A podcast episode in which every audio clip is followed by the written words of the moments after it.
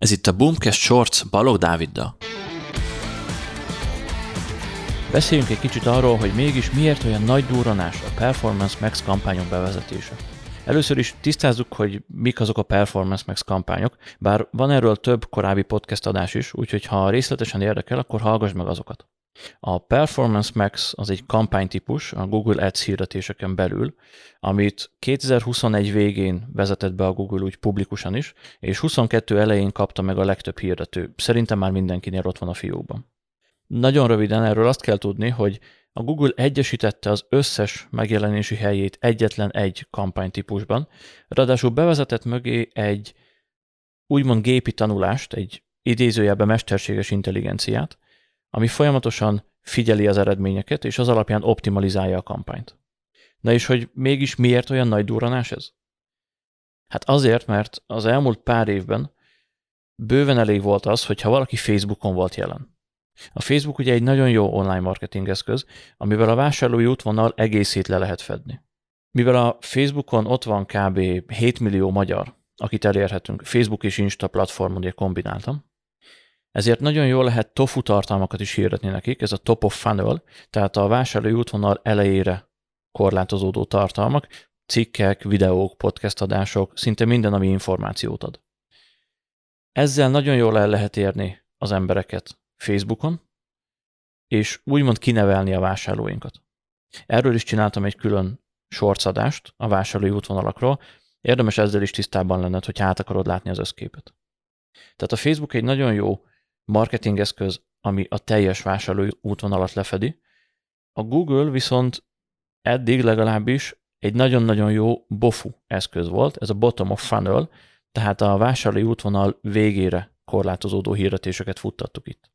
Magyarul, amikor valaki vásárolni akar valamit, mondjuk mindig ezzel példálózok Nike futócipő, és ha azt írja be a keresőbe, hogy 44-es Nike futócipő, akkor ott van egy nagyon erős vásárlási szándék, mert pontosan tudja a márkát, pontosan tudja a cipő mikéntjét, hogy mire fogja használni, és pontosan tudja a méretét. Tehát ez már egy tranzakciós kulcsszó.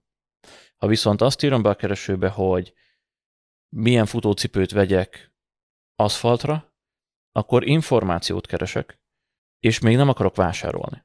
Na most az ilyen embereket, akik ebben a szakaszban vannak, de nem keresnek még rá arra valamire, ugye ez egy nagyon kis része az embereknek, akinek potenciálisan megoldás lehet egy adott termék vagy szolgáltatás, és már el is indult azon az úton, hogy felkutassa azt.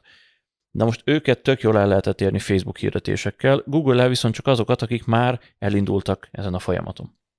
Éppen ezért nagyon jól működött az a stratégia, hogy Facebookon elindítom az embereket, tömegével hozom be a funnelbe, majd Google-ön lecsapom ugye ezt a forgalmat, és ott a úgymond easy money, a, a, a könnyű pénzt gyűjtöm be.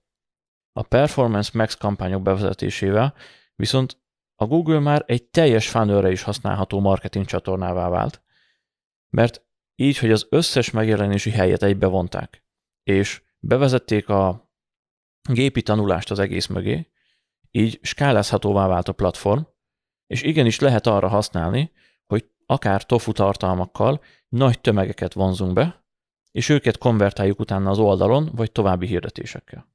Úgyhogy ezért gondolom azt, hogy hatalmas lépés a Google részéről a Performance Max kampányok bevezetése, és ezért is szoktam azt mondani, hogy a Facebookon hirdetőknek, akik az elmúlt öt év során komolyabban is használták a Facebookot, hatalmas előnyük lesz ebben az új rendszerben.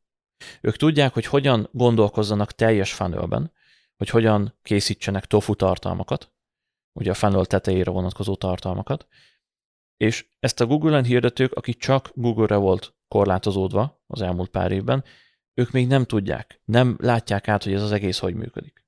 Úgyhogy ezért hatalmas lépés szerintem a Performance Max kampányok bevezetése a Google részéről, és ezért kell vele foglalkoznod.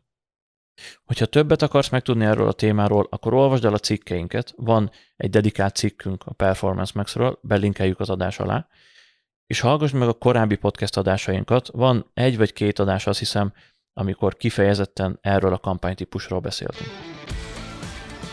És ennyi lett volna a mai Boomcast Shorts. Ha még valamiért nem tetted volna, akkor iratkozz fel a csatornánkra, mert hetente három új Boomcast shorts fogunk jelentkezni. És érdemes belépned a zárt Facebook csoportunkba is, ahol akár személyesen velünk is beszélgethetsz, de kérdéseket is tehetsz fel, és a közösségünk tagjait is megtalálod. Gyere és csatlakozz hozzánk, a linket megtalálod a leírásban. Találkozunk a következő adásban.